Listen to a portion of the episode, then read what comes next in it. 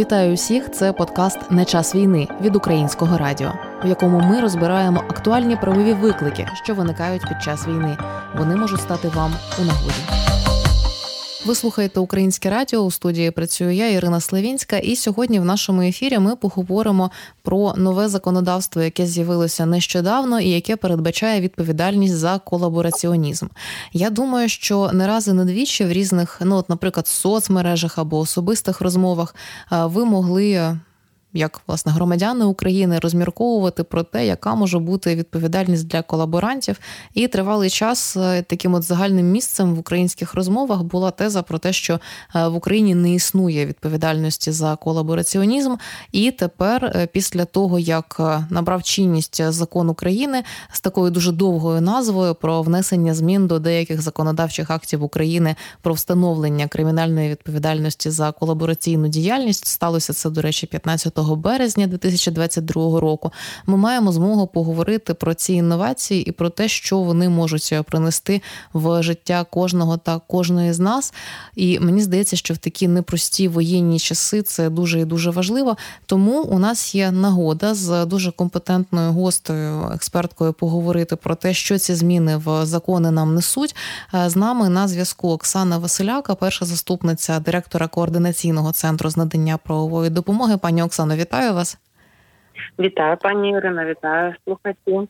От е, перше запитання поставлю як чайник е, в Україні до березня 22-го року не існувало жодних статей про колабораціонізм чи відповідальність за нього. Чи я помиляюся?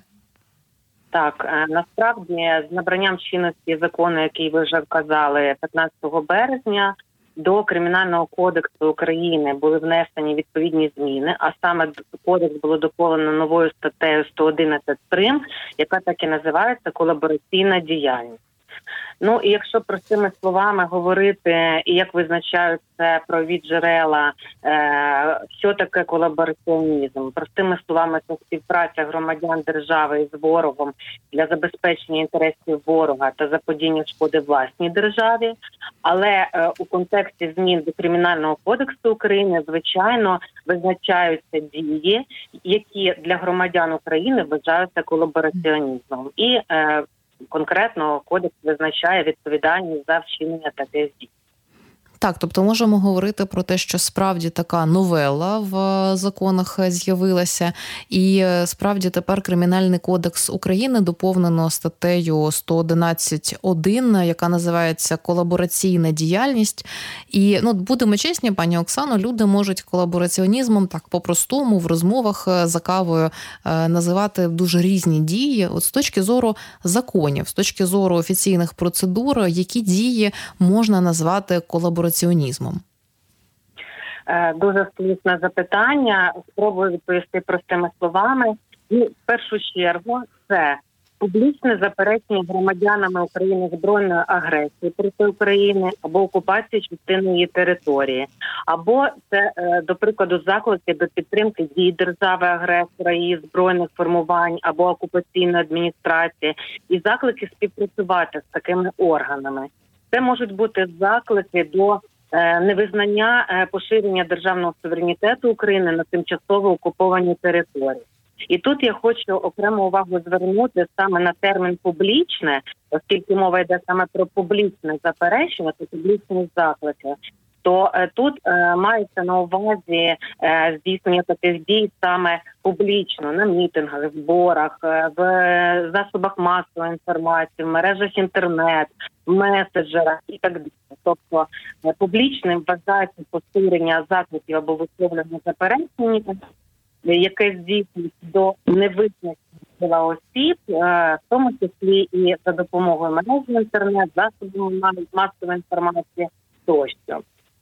Але крім цього, е, нова стаття кримінального кодексу відносить до е, колабораціонізму і такі дії, як е, добровільне заняття різного роду посад у незаконних органах влади, які створені на тимчасово окупованій території, в тому числі окупаційні адміністрації держави агресора, участь у діяльності таких організацій, або, до прикладу, публічне публічний заклик до проведення незаконних виборів чи референдумів на тимчасово окупованій території, або е, публічний заклик до таких дій. Також е, слід сказати, що до е, е, таких дій відноситься е, добровільне заняття посад, створених державою агресором судових або правоохоронних органах, або до прикладу е, добровільна участь у незаконних збройних чи воєнізованих формуваннях держави агресора, або надання таким формуванням допомоги у веденні е, бойових дій е, проти України. Також е, ця стаття передбачає відповідальність за організацію та проведення заходів саме політичного характеру. Тобто, якщо е, перед цим ми говорили про публічні заклики, то тут мова йде про е, заходи політичного характеру. До них можна віднести з'їзди, е, до прикладу, мітинги, демонстрації, конференції. Е, це можуть бути круглі столи, до прикладу, е, тощо для підтримки саме держави агресора і окупаційної адміністрації чи збройних формувань, і звичайно, це підготовка та активна участь у таких заходах. От я думаю, що тут можна поступ... звернути увагу громадян на те, що до такої діяльності можна віднести здійснення інформаційної діяльності у співпраці з державою агресором або її окупаційною адміністрацією, яка якраз спрямована на підтримку е, держави агресора чи її органів або збройних формувань, і і в тому числі щодо уникнення нею відповідальності за таку агресію проти України. Е, ну так само тут можна говорити про відповідальність за здійснення пропаганди е, відповідного характеру та е, нанесення матеріальних ресурсів. Верніше перепрошую, передача матеріальних ресурсів, інша фінансова допомога військовим держави-агресора, або, до прикладу, залучення до е, діяльності відповідної, в тому числі господарської у взаємодії з державою агресора, ну і так далі. Ну і насамкінець е, хочу звернути увагу, що е, е, до колабораційної діяльності також відноситься вчинення дій або прийняття рішень і мова тут йде саме про е, вчинення такої дії або бездіяльності під час заняття посад незаконних органах, створених державою агресору, що призвели до е, загибелі людей або настання інших тяжких наслідків. Ну і тут, звичайно, зміни до кримінального кодексу вони трактують що таке е, тяжкі наслідки, і відповідно за е, саме ці діяння передбачена найтяжча відповідальність. Всім, хто нас слухає, я нагадаю, що ви чуєте Оксану Василяку, це перша заступниця директора координаційного центру з надання правової допомоги в ефірі Українського радіо. Ми говоримо про те, що таке колабораціонізм, які дії, які вчинки українських громадян і громадянок можна так назвати. І щойно ми ось такий розлогий перелік різних дій і бездіяльності почули, які можна за змінами в український кримінальний кодекс тепер уже кваліфікувати як колабораціонізм, і пропоную далі трохи часу присвятити роз'ясненню того, що під цими пунктами варто розуміти, тому що є певні пункти, які доволі зрозумілі, навіть ну так на хлопський розум, як це по-простому називають. Є ті, які потрібно трошки розтлумачити. А можливо, ми могли би розпочати з цього пункту про. Участь у різних е, ну так званих посадах, е, створених росіянами в тих містах, у яких вони перебувають. Може, все ж таки не раз чули е, новини, дуже сумні новини про те, що є міста, в яких з'явилися так звані виконувачі чи виконувачки обов'язків мера, абсолютно незаконні, так при абсолютно дійсному, чинно і легально обраному мері але є такі російські впливи, спроби встановити ну так звану, нібито нову владу, теж скажу в лапках. Яким чином е, подібні рішення з боку посадових осіб в Україні на місцях, е, чи в ОТГ, чи в містах е, можуть кваліфікуватися як справді вже акт колабораціонізму? Ну, грубо кажучи, якщо людина продовжує ходити на роботу в свій відділ як бухгалтерія, чи порушує вона закон? Ну, якщо говорити про саме е, цю норму кодексу, то е, на мій погляд, тут все ж таки мова йде про е, заняття посад, в тому числі керівних, посад політичного характеру. І звичайно, це мова про проведення заходів саме політичного характеру, як то з'їзди, збори, мітинги, ну і так далі. Це це те, що я називала. Тобто йдеться саме про певні керівні посади, і е, ну про таких е, скажу таке слово, можливо, дещо грубо про ряжених, так які вирішують, що тепер себе можна називати керівниками чогось. Так, ну і не лише зокрема. Хто ще може е, потрапити власне під дію е, закону про колабораціонізм у такій ситуації? Власне, е, нагадаю, ми говоримо про цей блок, який передбачає обіймання різного роду посад у незаконно створених окупаційних органах, ну навіть не влади, так я не знаю, яке тут слово правильно вжити. Так, ну це.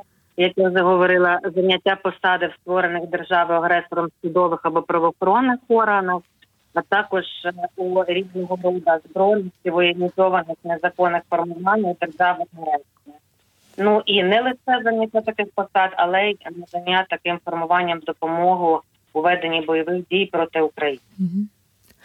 Ще дуже цікава норма, вона справді дуже нова, е, яка передбачає відповідальність за публічне заперечення збройної агресії Росії проти України і публічне заперечення окупації частини території України.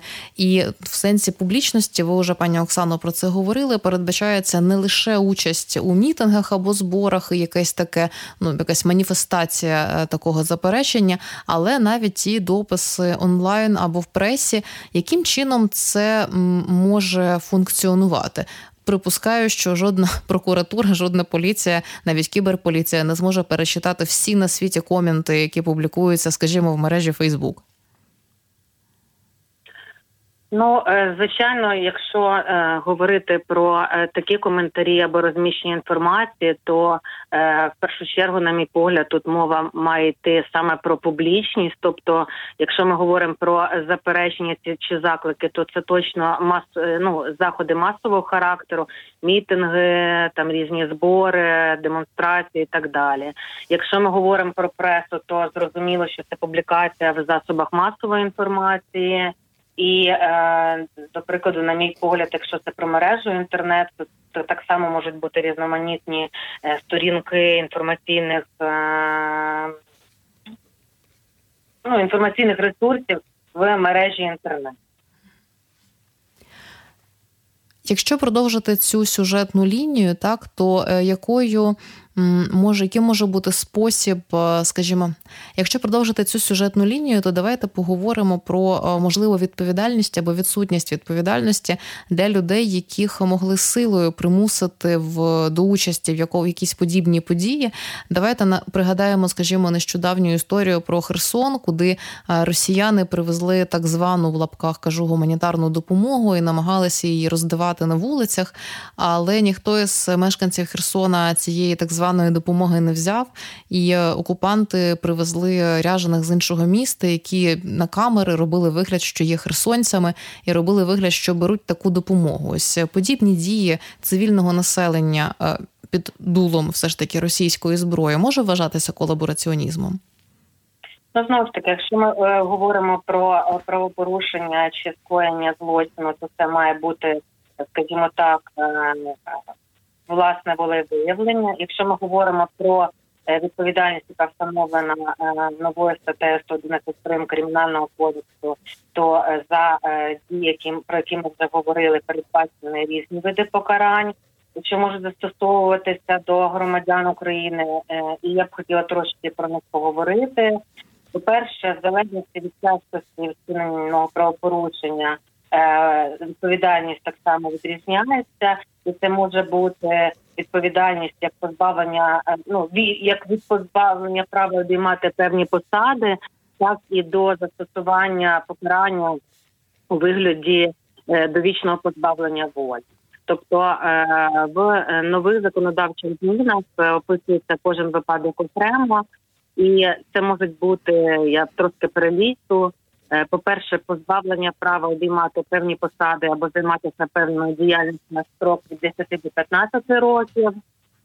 Е, по-друге, це можуть бути виправні роботи на строк до двох років. Е, якщо говорити в контексті законодавства, то для розуміння виправні роботи це один з основних видів, скажімо так, кримінального покарання, який встановлюється на строк від від 6 місяців до двох років і відбувається за місцем Е, скажімо так, роботи особи.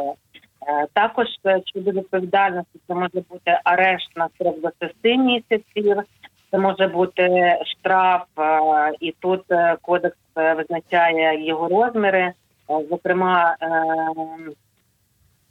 Зокрема, від 10 тисяч наподаткованих мінімум доходів громадян до 10, я перепрошую тисяч Е, це може бути е, застосування позбавлення волі на строк до 15 років. Ну і як я вже говорила, довічне позбавлення волі. Е, тут мова йде про випадок, коли зокрема була така протиправна діяльність привела до загибелі людей або настання тяжких наслідків. Тобто, в залежності від кожного конкретного випадку. Е, е, може визначатися різний вид е, покарання за такий злочин. Я нагадаю, що ми спілкуємося з Оксаною Василяковою. Це перша заступниця директора координаційного центру з надання правової допомоги. І в ефірі Українського радіо ми розмовляємо про зміни до кримінального кодексу, про появи відповідальності за колабораціонізм і з'ясовуємо, які дії можна вважати колабораціонізмом згідно з українським законом, а не на наш такий особистий розсуд звичайних пересічних громадян. І вже почали ми сюжетну лінію про відповідальність за ці злочини.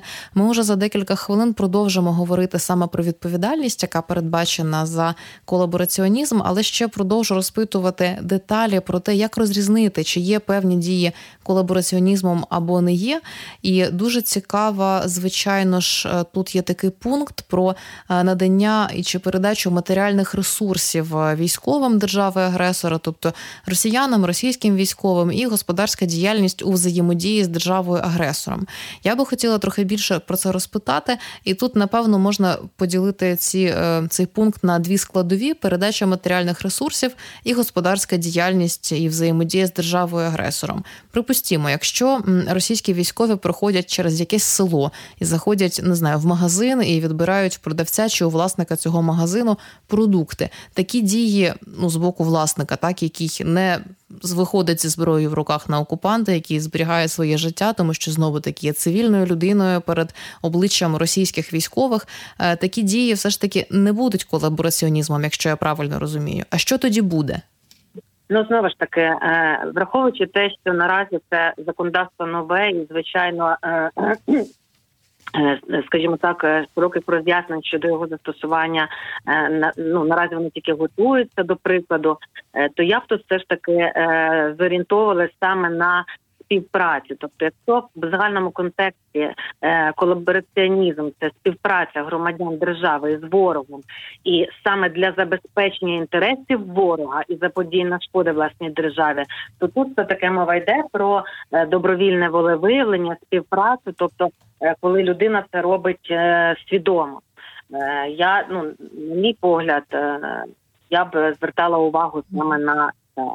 Е, якщо ми говоримо про знову ж таки е, кваліфікацію таких дій, то тут все ж таки е, компетенція правоохоронних органів, які розглядаються ці провадження, які збиратимуть відповідні докази. Вже на підставі доказової бази визначаються, ну буде визначатися, е, скажімо так, шкода і наслідки, які були завдані саме про ну, цим правопорушенням і злочином. І саме час, оскільки у нас ще близько 10 хвилин до закінчення нашої розмови залишається, поговорити про відповідальність за колабораціонізм. Ви вже згадували про те, що доволі суворі штрафи і терміни ув'язнення передбачені. Давайте детальніше про це поговоримо. Наскільки я розумію, кримінальний кодекс пропонує ну такий певний спектр різних покарань за те, залежно від того, якою була міра тих дій, наскільки серйозною була шкода. Давайте трохи про це поговоримо. Так. Що саме? Напевно, можна розпочати про те, в який загалом діапазон, а, який загалом діапазон покарання за колабораціонізм від і до.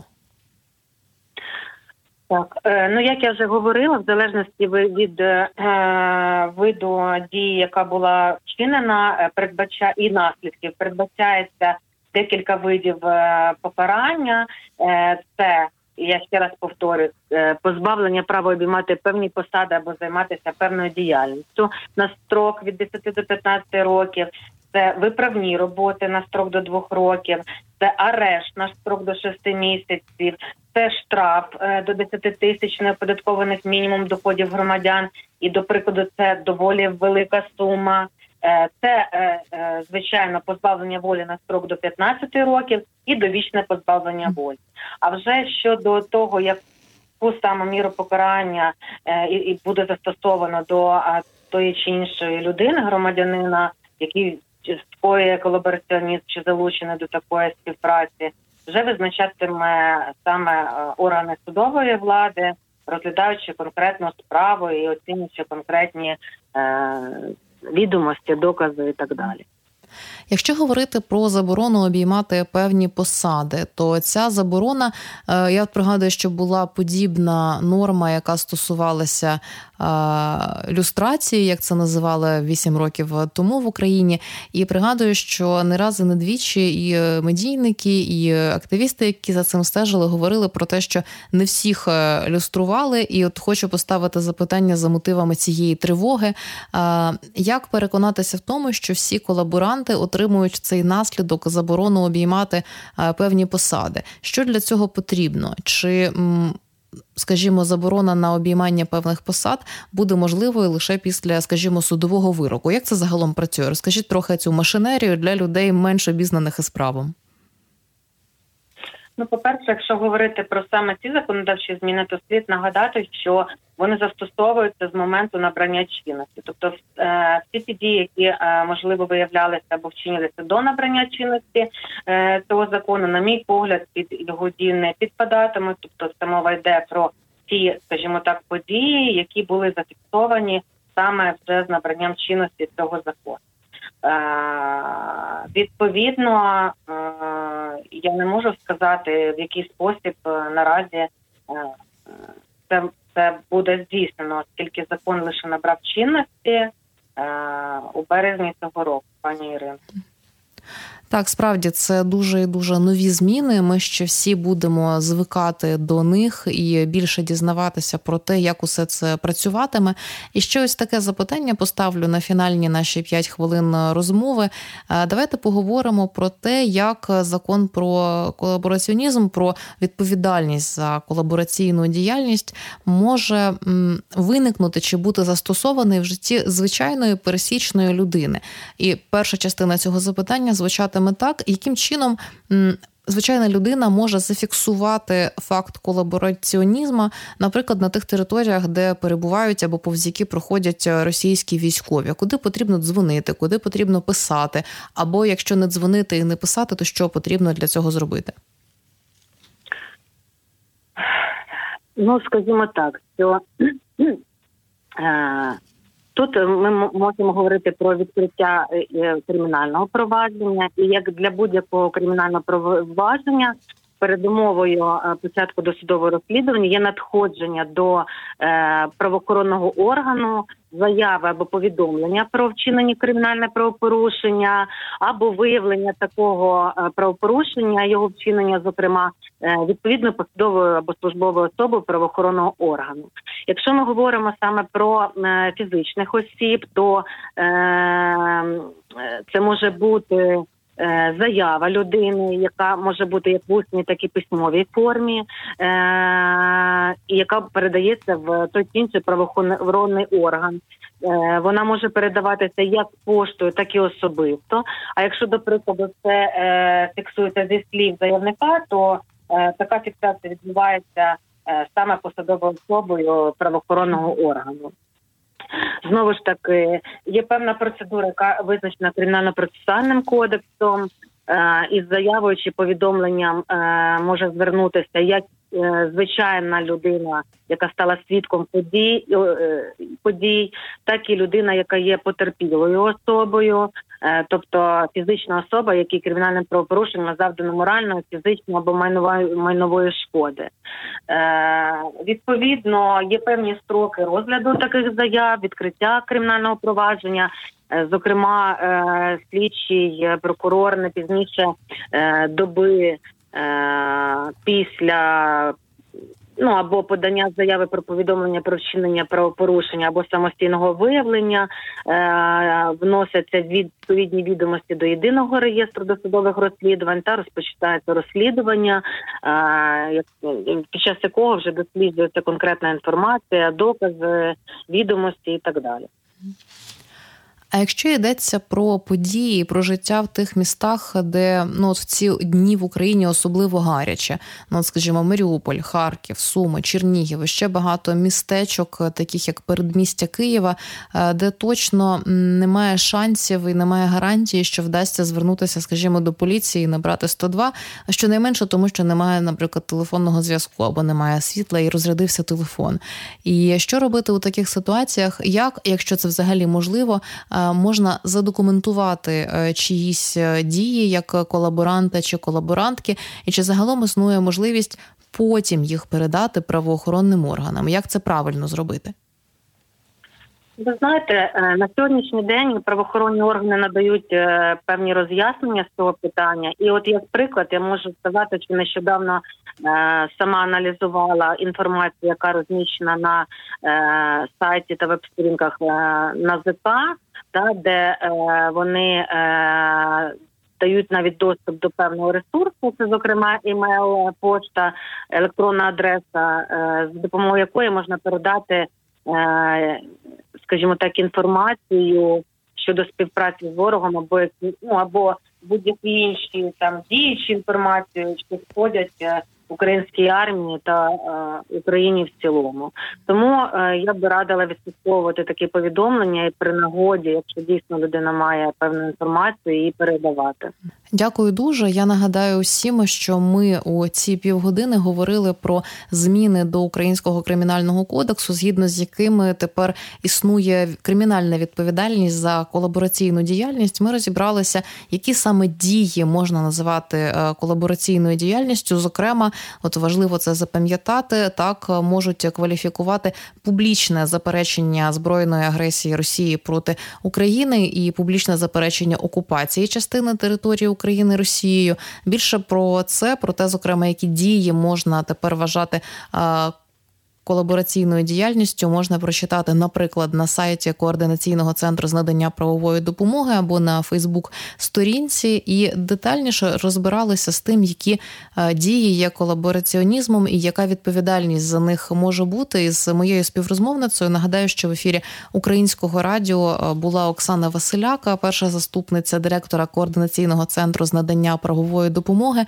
З нею спілкувалася я, Ірина Славінська. Ви слухаєте Українське Радіо. Почуємо почуємося в ефірі наступного разу. З вами був подкаст на час війни від українського радіо. У наступних епізодах ми будемо розбирати ще більше актуальних правових питань.